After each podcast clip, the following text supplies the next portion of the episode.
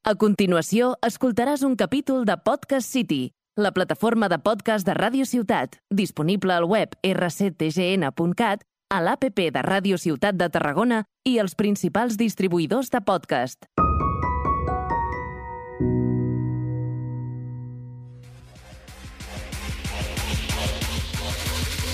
Hija de la ira, Destruir la norma, un podcast de cerdas y diamantes. Nuestro espacio para compartir aprendizajes y cuestionar el sistema desde una mirada interseccional. Y hoy hablaremos del binarismo como configuración social. Como si cuidarle fuera mi problema.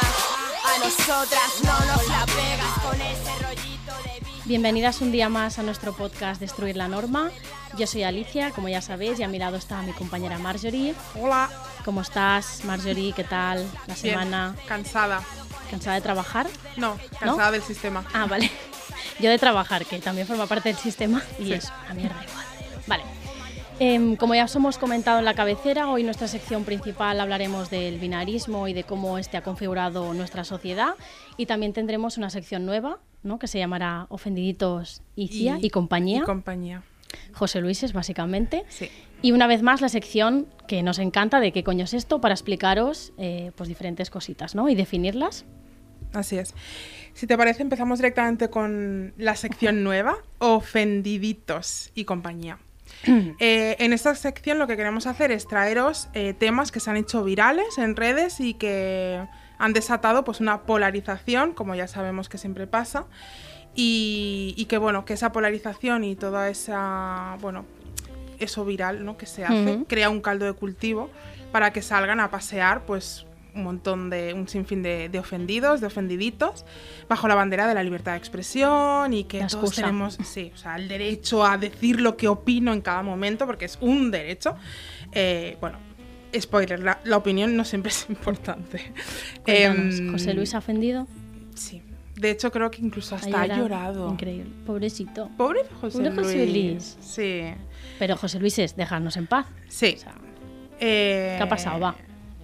Jaja, no. jaja, no, Jaja, no, pasado? ¿qué ha pasado? Ha pasado algo grave. A ver, es grave. Porque Mm. hay gente que se ha ofendido mucho, entonces es grave. Porque aquí hay que validar los sentimientos de todo el mundo. Es broma. Bueno, el tema es La Sirenita. Mm. La película de Disney. Sí, eso. Vamos a hablar de eso.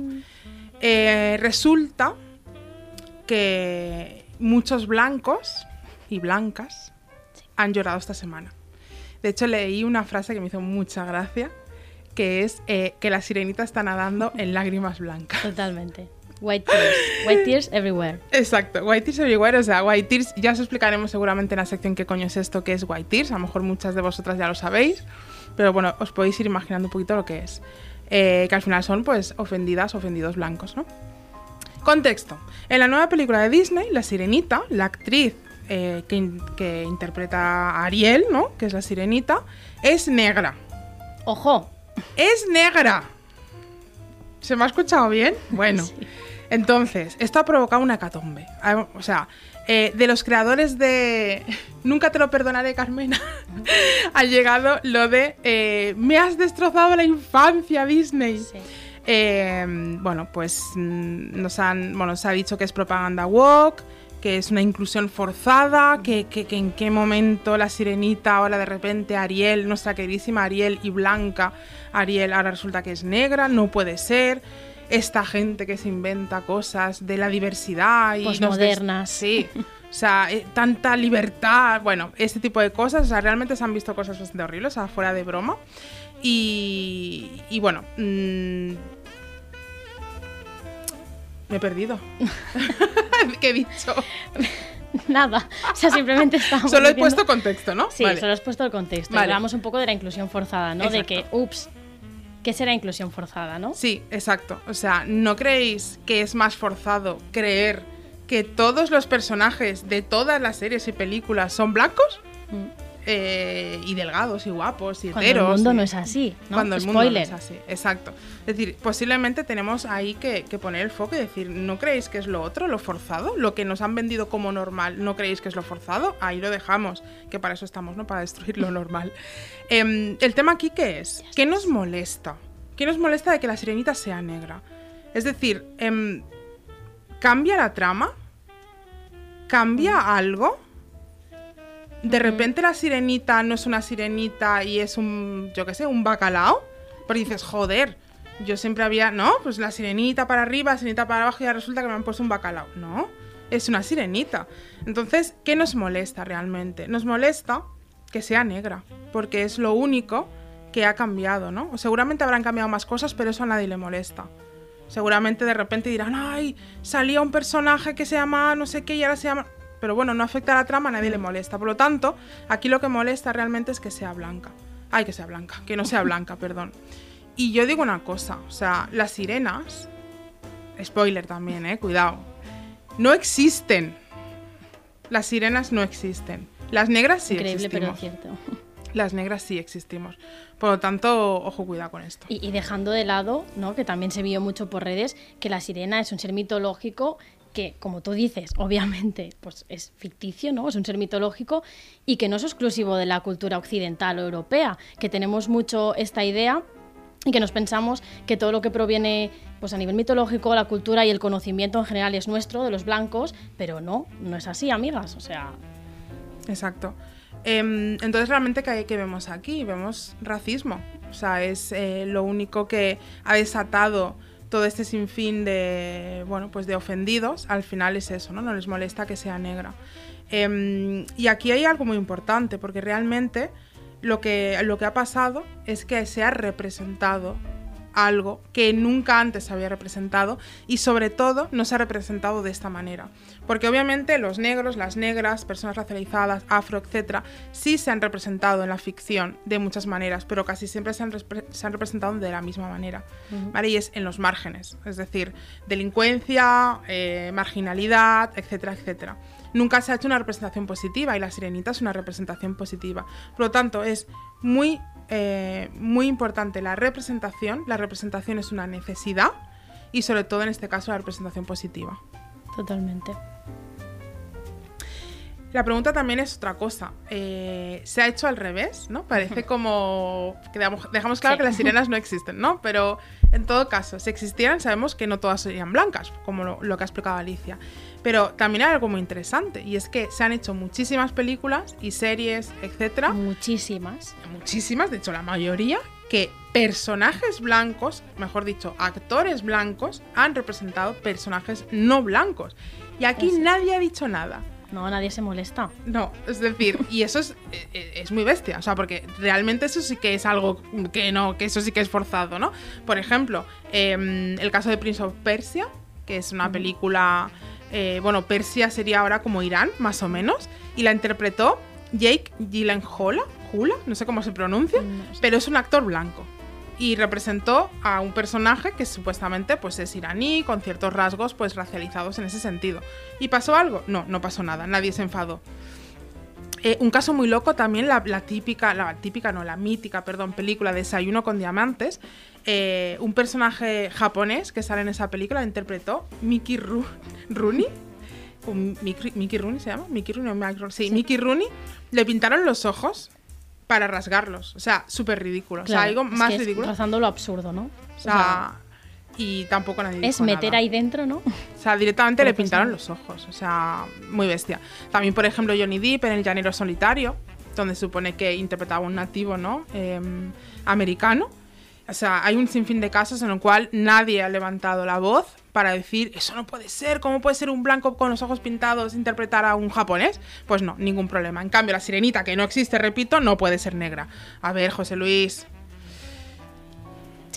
exactamente. Como decía Marjorie, la representación no es algo, nunca es forzado, sino que es una necesidad. Y siguiendo un poco en el tema de la serenita, como decimos, repetimos, la representación debe estar ahí, pero es importante. eh, o sea, es importante que esté porque también se la debemos, ¿no? Pero no nos olvidemos, en el caso de la sirenita, de qué es Disney, qué representa Disney, qué papeles tienen todas las chicas y mujeres que, eh, de los personajes de las películas de Disney.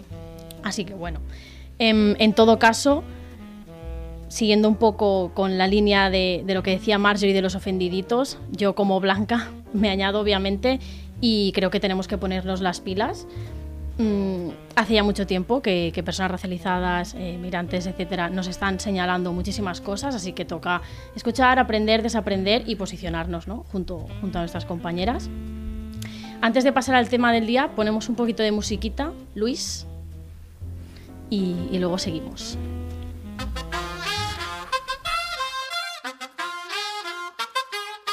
Tú nos dices que debemos sentarnos, pero las ideas solo pueden levantarnos, caminar, recorrer, no rendirse ni retroceder, ver, aprender como esponja, absorber. Nadie sobre todos, faltan todos, suman todos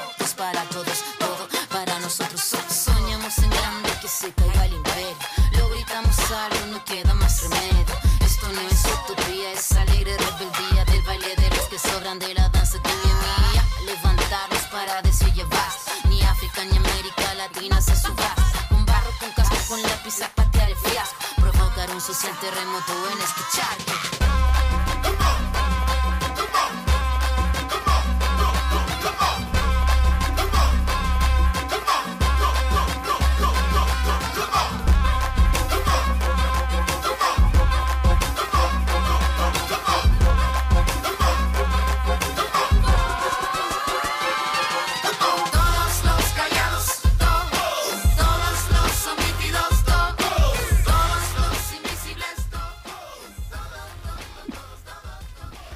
Estamos aquí bailando.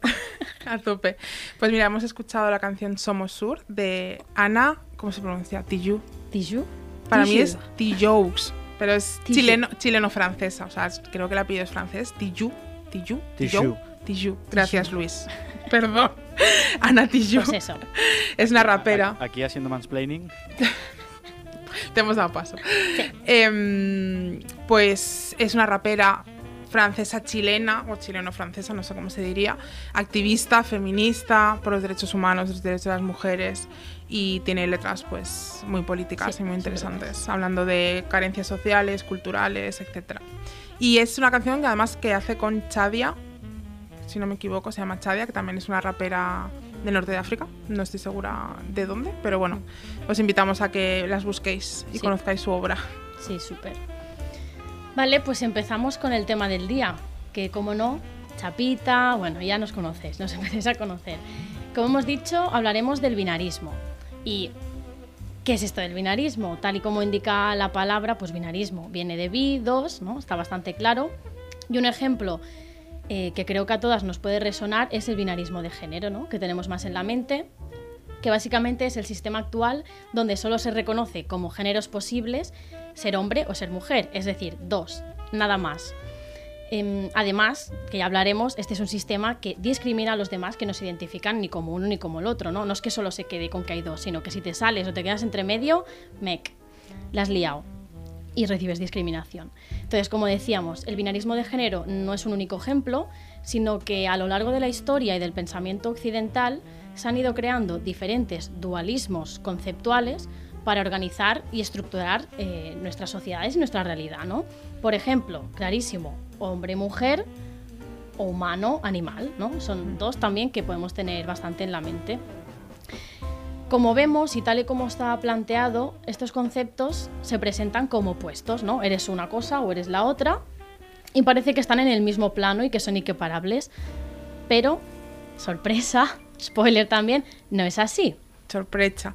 Sorpresa. Em, ¿Qué te parece si ponemos más ejemplos y cada una dice un lado Bien, juego. de, em, del binomio? O sea, yo digo una parte del binomio y tú dices el contrario, diríamos. eh, Lo que está entendido como lo que está opuesto, entendido sí. como opuesto, pero que luego vamos a ver que no es tanto así. Em, por ejemplo, cultura. Naturaleza, Yes. Razón. emoción, classic, Sujeto. objeto, Amo. esclavo, Producción. Reproducción, eh, eh, eh, público. privado, Uno. pues otro. Pensaba que ibas a decir dos. Sí, no. Sería como uno, el otro. Vale. Sí, lo otro, ¿no? De hecho. Que un Sí, poco ya otro. comentamos en otros programas. Sí, eso ya lo, lo habéis escuchado y seguirá saliendo. De hecho, añado un dualismo que es el dualismo por excelencia, que mm, seguro que todos habéis escuchado, ¿no? Y que digamos que es casi el origen del pensamiento dual filosófico Exacto. de nuestro querido Platón. No, no es querido, pero no sé, No, me ha salido bueno, así. sí. Em, que es el dualismo cuerpo y alma, ¿no? Seguro que lo habéis escuchado y que también, pues eso, él claramente y sus discípulos em, hablaban también de una distinción y daban más importancia em, al alma, ¿no? Que, que al cuerpo, ¿no? Y hay una, toda una corriente, un corriente filosófica y por lo tanto también culturalmente nosotros, que también venimos de este dualismo, ¿no? Que es uno de los más, no sé, holísticos, podríamos decir. Claro, y aquí la cuestión es, ¿no? Vemos estas columnas, ¿no? Que hemos contado un poco así con el juego, pero ¿cuál es la trampa? Pues la de siempre, que claramente hay una columna que tiene un mayor valor social que la otra y que por lo tanto no están organizadas de forma neutra, sino jerárquica. Por lo tanto, una de las partes, sí o sí, acaba estando subordinada a la otra y aunque parece que pueden ser pues igual de válidas, no se está teniendo en cuenta toda la carga eh, histórica y demás que tiene cada, una de, cada uno de los conceptos. Sí, y además esto puede, sí, puede sonar un poco, bueno, no sé, lejano, ¿no? Mm. Luego pondremos más ejemplos y lo, lo- lo veremos mejor juntas, ¿eh?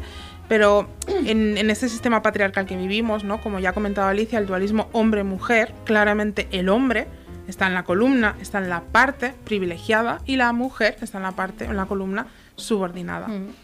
Ese sería el mayor ejemplo, ¿no? Que yo creo que podemos entender mejor, ¿no? Con el sistema patriarcal en el que estamos. Sí, otro ejemplo que comentábamos también antes es el dualismo de cultura-naturaleza. Eh, aquí en el norte global la naturaleza prácticamente la despreciamos, podríamos decir, la usamos, la explotamos y únicamente la concebimos como un recurso, ¿no? como producto que podemos convertir en mercancías y por lo tanto solo la valoramos eh, en este sentido. En cambio, la cultura, mm, el arte, todo aquello que ha sido creado por el hombre, pues está mucho más valorada, que aquí vemos, como también comentaremos en otras ocasiones, que claramente hay un sesgo antropocéntrico. Em, referente a un poco a esto, me gustaría añadir que al principio eh, hemos dicho que estas categorías son propias del pensamiento y filosofía occidentales, ¿no? Y como comentaba Marjorie de Platón, etcétera. Y para nosotras es importante recalcar esto porque en muchas comunidades nativas y países del sur global no hay esta visión, no hay esta visión tan binarista de lo que es cultura-naturaleza, ¿no? no hay esta separación. Ahí están muchísimo más conectados con la naturaleza, los animales, el cuerpo, porque su cosmología y su filosofía se basa en esta conexión. Entonces, yo creo que como feministas y como ecofeministas que nos consideramos, mm, creo que es súper importante escuchar y aprender muchísimo de estas comunidades porque aunque muchas de ellas no se identifiquen con la palabra ecofeminista porque para ellas está súper arraigado en su ser ¿no? y forma parte de su lucha por sus vidas y de, la, y de, de su tierra, ¿no? porque al final está conectado, creo que como digo tenemos mu- muchísimo que aprender y que nos debemos fijar en, en estas concepciones no binaristas. ¿no? Sí, así es. De hecho, ahora me he acordado de, de esto que ha pasado recientemente también en, en Londres, con lo del cuadro. Mm, uh, Bueno, esto ya lo hablaremos Sí, lo porque hablaremos. es extenso, ¿no? Pero un poco decir, ostras, algo creado por el hombre, ¿no? En, la- en lo que has dicho tú, el arte, la cultura y tal, es en plan, ostras, em, pues eso, agredir eso es como agredir lo más grande, ¿no? En cambio, la naturaleza, pues ahí se... nos estamos quedando sin y Sí. bueno, Entonces, bueno, esto es un tema que es, es más amplio, pero bueno, para entender un poquito esto. Y, y también con lo de que hay otras culturas y en otros sitios donde no esta visión binaria no existe o existe obviamente de otra manera. También me he acordado de hay, que hay culturas y comunidades como creo que en la India, Bangladesh y tal, que hay más de un gen, o sea, hay más de dos géneros, es decir, eso son cosas también que ya existían, ¿no? Hay comunidades Sí. que incluso contemplan hasta cinco géneros eh, y sobre todo hay muchas que contemplan tres géneros. O sea, el tercer género es algo que es más común de lo que creemos, pero en la cultura occidental es como, no, no, u hombre o mujer. Bueno, em, siguiendo un poco con, con los dualismos, eh, los sistemas de opresión se nutren de estas categorías, ¿no? Estos dualismos no son solo un concepto teórico de, bueno, sí, hombre o mujer. No, resulta que esto se utiliza para justificar y mantener la dominación. Y esto obviamente nos da pista de que algo Pistas, no, pistas. no va bien, no va bien. Os pongo un, un ejemplo más visual de esta configuración binaria. Estas columnas de las que hemos hablado, ¿vale? Digamos la columna privilegiada y la columna no privilegiada o la columna de lo otro. em, imagi- imaginaros que son columnas de verdad de un edificio. Son los pilares que sustentan un edificio. Son columnas que están enfrentadas una, una con otra y que cada columna está formada por diferentes elementos, o sea, ladrillos, por ejemplo, ¿no? Entonces, aparentemente son iguales, lo que os decíamos, están sustentando un edificio, que podríamos hacer el símil, que es la estructura del sistema, la sociedad, las culturas, etc. Y lo interesante también es que cada, col- cada columna, los elementos de cada columna, por ejemplo los ladrillos, están conectados entre sí. ¿Vale? No es una casualidad que en la columna donde están las mujeres estén también los animales, esté también la emoción, esté también la naturaleza, esté La estos, reproducción. eh, la reproducción, lo privado, todo esto está conectado entre sí, no es una casualidad. Por eso os hago el ejemplo este de columnas, ladrillos y que están los ladrillos unos con otros pegados, ¿no? Pues un poco lo mismo. Claro, con, con el tema del patriarcado es algo que, que se ve claramente con, con el ejemplo de las columnas, ¿no? Es fundamental para que este sistema patriarcal siga funcionando, seguir marcando como estas diferencias, lo que decíamos antes, de, de pensar que son opuestas entre unos y otros, o sea, entre mujeres y hombres, seguir asociando características completamente diferentes a cada uno. O sea, para que esas columnas se mantengan, es importante seguir manteniendo, ¿no? También eh, que mantengamos este discurso y este pensamiento binarista, porque en base a eso se genera. De hecho, también relacionado un poco con lo que comentaba Marjorie y esto último, no es casualidad la posición de las columnas, em, porque tienen un género, ¿no? Acaban siendo generalizadas, como, como comentaba ella. Sí. Y pues mujer, naturaleza, animal, emoción, o sea, todo está en el mismo sitio. Y por otra parte tenemos al hombre la razón, la cultura, lo público y lo productivo. Qué Que- casualidad. Qué casualidad. Todo bien, ¿eh? Todo bien. No, no huele mal aquí, ¿no? Sí, de hecho, bueno, mm, ahora se me ha ocurrido el- un ejemplo, pero no sé si los ejemplos vamos después o lo podemos decir ya, pues no sé que la gente no se nos pierda. El ejemplo este que a mí siempre me ha hecho mucha gracia, lo de la cocina. Ah, O sea, n- más que- yo, yo creo que podemos dar un ejemplo ya para que conectéis con, con lo que os estamos, la chapa que os estamos dando, pero es muy curioso, o no, que la cocina, que normalmente, ¿no? O sea, en los espacios privados es algo que está en, en casa, ¿no? Digamos que la cocina es un elemento, digamos, privado que está en las casas, es territorio de las mujeres en general. Ahora diréis, no, porque mi padre cocina y mi madre no. Vale, muy bien. Pero en general estaréis de acuerdo que sí, que en general cada vez menos, ok, pero es un territorio de mujeres donde se hace la comida, etcétera, etcétera. Pero resulta que cuando la cocina pasa de ser un elemento privado a ser un elemento público, ¿vale? Eh, ¿quién, ¿De quién es territorio? de los hombres. Ah, sí. Sí. Bueno, Los chefs. los chefs, las estrellas Michelin, ¿de quién son? O sea, las madres, las abuelas han pasado toda la vida, siglos cocinando, encerradas en la cocina de su casa para la familia y la comunidad. Y resulta cuando esa cocina es pública, cuando es un restaurante, cuando es prestigioso, cuando es público, cuando es algo que es reconocido y que también hay capital ahí, dinero, resulta que es territorio de hombres. ¡Wow! Es que esto ya, Dios mío, si no es un ejemplo clave para entender lo que estamos hablando, que venga Dios y lo vea. bueno, em, volvemos un poco a los conceptos más teóricos de lo que comentaba Alicia, ¿no? Em, estas dos columnas volvemos a repetir, ¿eh? porque creemos que es muy importante. La mujer ocupa el espacio de lo otro. Está en la columna, lo que hemos dicho ya, con animal, naturaleza, privado, etcétera, etcétera, y que es realmente alguna que está menos valorada. ¿Vale? Y por eso a nivel histórico también se ha creado tanto misticismo alrededor de la feminidad. Incluso hay un feminismo esencialista, ¿no? Que ha tirado mucho de esto, ¿no? La mujer, la maternidad, la naturaleza, como una especie de conexión ancestral y salvaje. Esto es muy interesante. Lo salvaje también está en ese lado de la Sí. columna. Lo salvaje está en el lado, en el lado de la mujer, de lo animal, de la naturaleza, obviamente también de las personas negras racializadas, etc. Y tampoco es una casualidad. Lo salvaje también está visto como algo menos valorado. Y también es como que las mujeres, de repente, o sea, tenemos un gen que nos conecta con la naturaleza, somos más sensibles, más místicas, más tenemos pues ese reloj extraño em, de la maternidad, las mujeres. Bueno, todo ese rollo, todo ese rollo es mentira. Es un constructo social y tiene que ver con el binarismo que os estamos parte de explicando aquí, hoy claro. parte de aquí. O sea, se nos ha asociado a eso, pero no hay ningún gen que diga eso. ¿Vale? Entonces, eh, de eso va todo esto. Os explicamos esto para entender la raíz de la opresión o cómo se ha estructurado todo esto. Las mujeres no somos más sensibles, ni más empáticas, ni tenemos eh, una conexión con la naturaleza ancestral y no sé qué y no sé cuánto. Todo eso también tiene un motivo. Es un motivo histórico que a lo mejor algún día hablaremos o traeremos a alguien para hablarlo, eh, porque es muy interesante, ¿no? Como el tema de las brujas y todo eso. O sea, hay una conexión muy, muy, eh, muy interesante con este tema. Em, pero obviamente tiene que ver con una configuración social a través de este binarismo.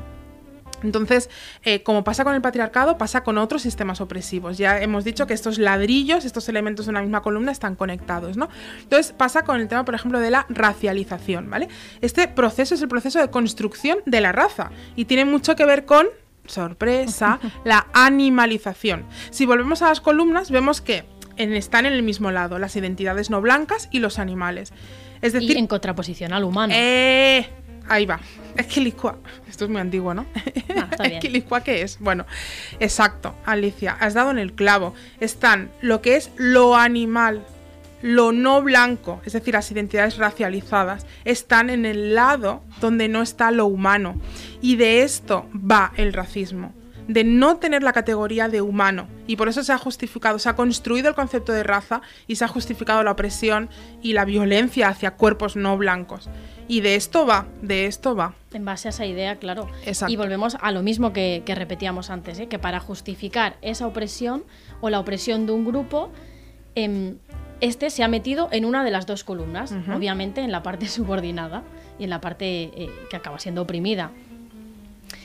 Mm, Ahora os queríamos contar un poquito, porque todo esto del binarismo se ha estudiado desde hace muchos años, sobre todo desde, el ecofeminismo, y hay también muchas teorías, o bueno, muchos estudios, por así decirlo, em, también filosóficos, que han visto qué mecanismos hacen, ¿no? qué mecanismos pro- reproducimos en nuestros discursos que permiten que esto sea posible. ¿Vale? Que nosotras pensemos de esta manera. Vamos a daros algunos ejemplos así manera light porque, para que veamos un poco, ¿no? De que, como decía Marjorie, no es casualidad que pensemos de este modo. Primero de todo, y tal mm, como ya hemos ido comentando, ¿eh? seremos breves. ¿Qué pasa en estas dos columnas, no? Poniendo hombre-mujer como ejemplo, que se enfatizan las diferencias y así hace, em, se hace que parezca que son opuestas y excluyentes. O eres una o eres la otra. No puedes ser una tercera cosa ni puedes estar entre medio, ¿no? O sea, o uno así. o lo otro. Formas parte del binarismo o chao. Por otro lado, otra característica o otro mecanismo, se le atribuyen cualidades mm, que corresponden un poco a las necesidades de la parte dominante, ¿vale? Me explico, porque es un poco caótico. En el caso de las mujeres, se nos ha atribuido, por ejemplo, la sensualidad y parece algo exclusivo de nosotras, ¿no? No piensas un hombre sensual. Ya, sí, los es hay, un pero adjetivo suena un poco extraño, ¿no? Se Feminizado. ha hecho, exacto, es un adjetivo feminizado, ¿no? Como dice Marjorie.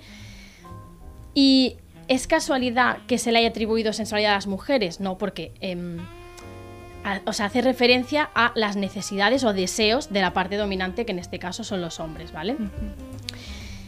Pasa también em, que al ser excluyentes se quitan características propias ¿no? a, a- a la otra parte. Sé que es un poco lío esto, ¿eh? pero por ejemplo, con el tema de sensualidad se ha atribuido a mujeres y el tema de la racionalidad se ha atribuido pues, solamente a los hombres. Otro ejemplo, para que entendáis un poco esto, ¿eh?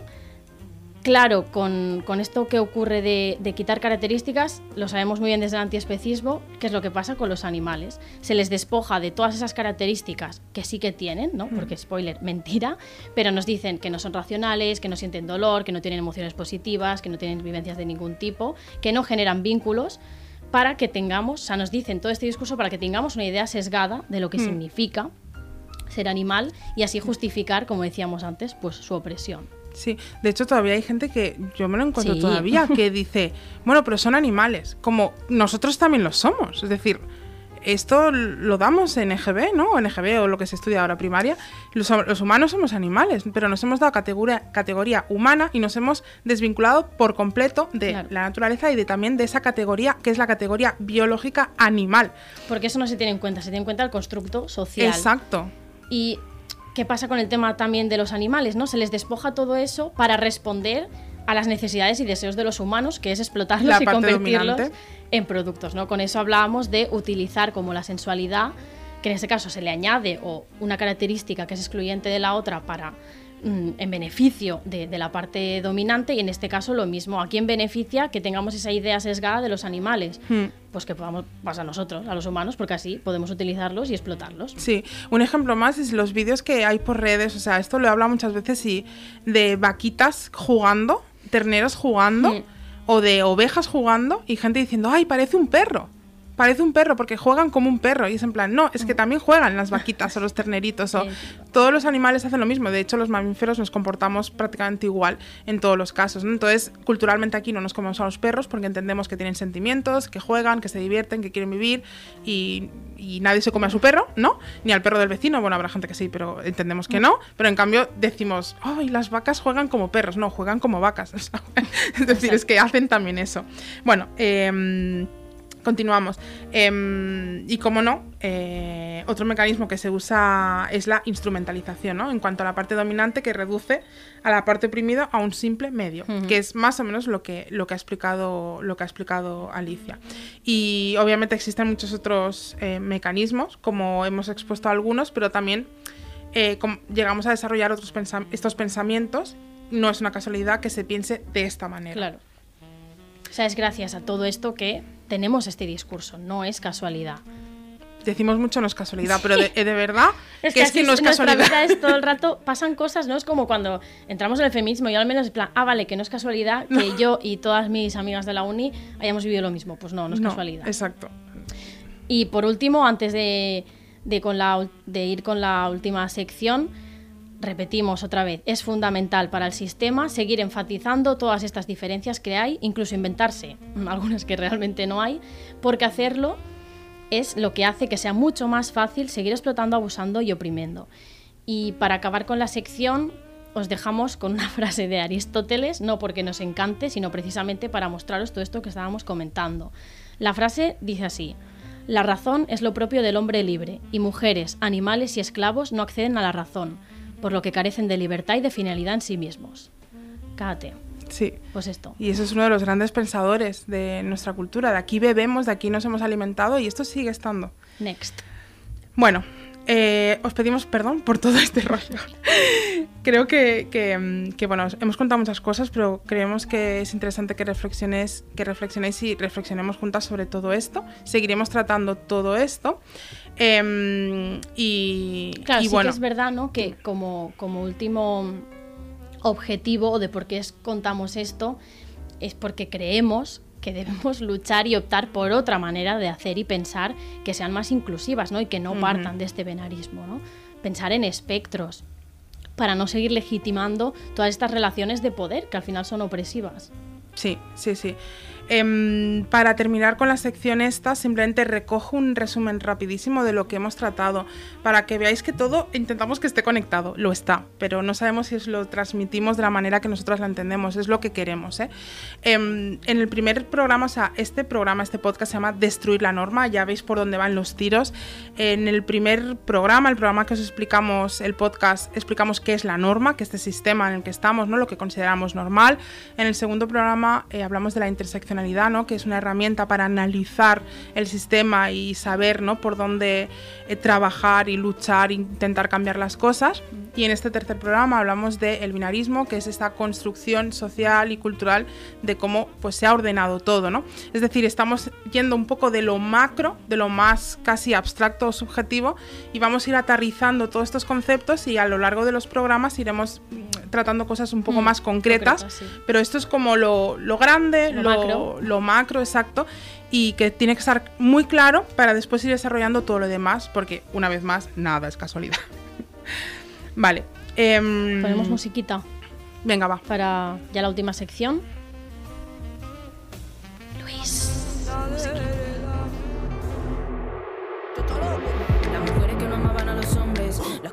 Llamadas por su nombre, las que si tocan a las suyas corre sangre, las que saben que la historia la escribió el hambre. Las que prefieren no presentarla a tu padre, el corazón en llamas, todo lo que tocan arde. Las que marchan por las copas en las calles, las que hacen más nada para que el corazón no le falle.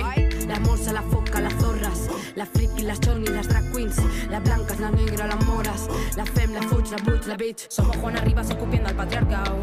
Las que vieron enemigo a su cuerpo, las construidas desde el complejo. La madre presa por quemar al que ha violado. A las que miran de reojo, de las que hablan bajo. A las que perder no tienen un carajo. Las que hablan por ellas, las que hablan por las demás. A las que no contratan porque piensan daremos problemas. Somos las que no se rinden jamás. Somos las hijas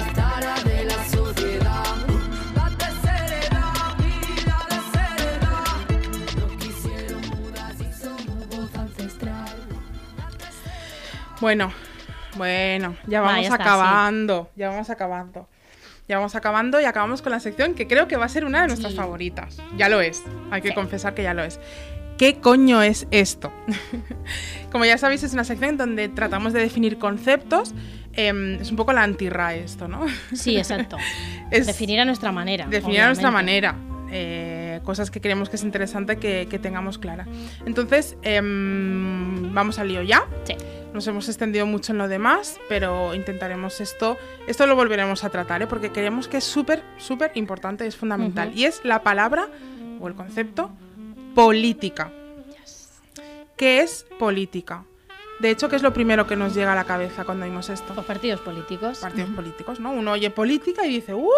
El, el uno, el otro, el no sé qué, todos los colores, izquierda, derecha. No, no. Esto es Política mu- no es eso. Política no es eso, menos mal, pero nos han hecho creer que es eso. Cuando hablamos de que algo es una cuestión política, de hecho seguramente que hasta llegar a este programa nos habéis escuchado decir esto y habéis pensado eh, de qué están hablando. Em, por eso creemos que es necesario definirlo, ¿no? Cuanto antes. Cuando hablamos de que algo es una cuestión política, es eh, hablamos de algo que nos afecta a todos, a nosotras, a todas, como En sociedad. nuestras vidas. Sí, pero ¿qué pasa? Que lo oímos y pensamos en partidos políticos, pero tenemos una falsa creencia de que, de que es algo que no tiene que ver con, con el pueblo, con nosotras. No nos interpela. No. Realmente es como política. Al pueblo se le ha politizado y no nos interpela para nada. Cuando realmente sí que nos debería importar porque todo lo que tiene que ver con nuestras vidas, con nuestras relaciones, tiene una cuestión política ahí. Exacto, sí, sí, sí. Muchas veces, de, de hecho, desde el feminismo, ¿no? Escuchamos, no, no hay que mezclar feminismo con política. Eh, ¿Qué quiere decir eso? Oh God. O sea, eso es absurdo, es contradictorio. Absolutamente contradictorio. Feminismo es política. Debe ser política. Debe ser política. O sea, no, No. hay otra manera. No hay otra manera, pero cuidado, repetimos, no tiene que ver con partidos políticos. Los partidos políticos es un invento de la vida moderna y nos ha hecho creer que eso es la política. Claro. No, y que solo ellos pueden hacer política, cuando no. Es una manera de despolitizar al pueblo y decir que el pueblo no tenemos nada que ver con Mm. que eso. no nos pertenece, ¿no? De, desde el movimiento feminista usamos la frase de lo personal es político, que seguro que os suena, para explicar precisamente esto, que todas las cosas que nos pasan a nivel individual, que sería un poco la esfera privada, volviendo a las columnas de antes, tienen unas implicaciones y unas causas sociales, estructurales en la esfera pública, ¿no? Que pertenece a los hombres. Pero no, también nos pertenece a nosotros porque tiene una afectación todo aquello de lo privado. Y que por lo tanto lo que nos pasa, obviamente, no es casualidad ni surge de la nada, sino que es estructural y por lo tanto político.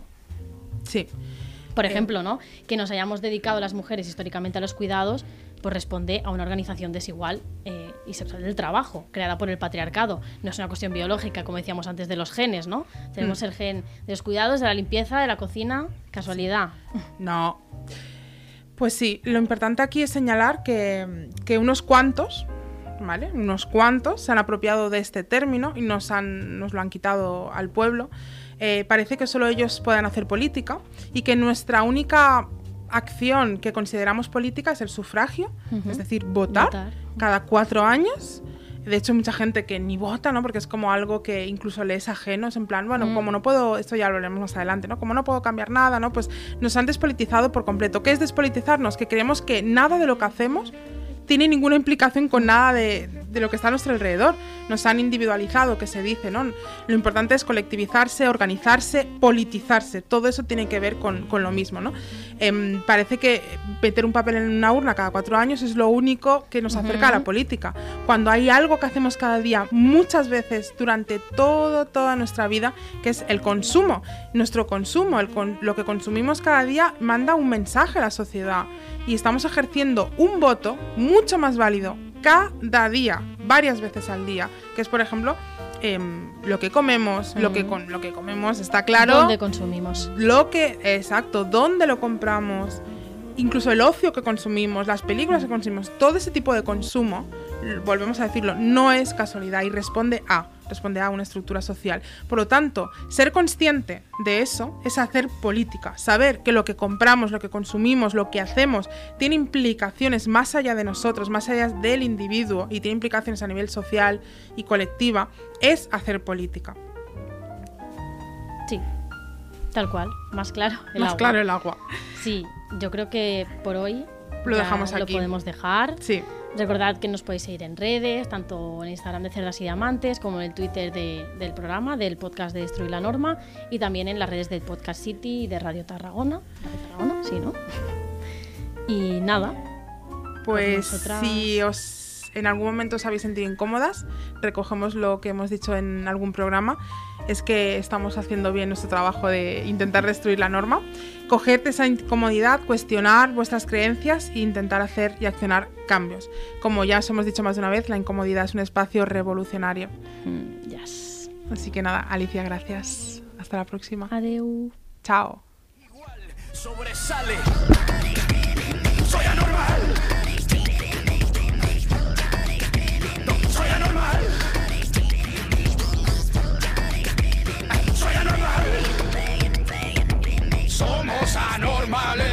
Lo que me gusta de ti es que tú eres anormal. Nuestra sexualidad se despierta. El ADN con las piernas abiertas. Los cromosomas bailando bolero. Las hormonas con hambre lamiéndose los cueros. Has escoltat un capítol de Podcast City, la plataforma de podcast de Ràdio Ciutat, disponible al web rctgn.cat, a l'APP de Ràdio Ciutat de Tarragona i els principals distribuïdors de podcast.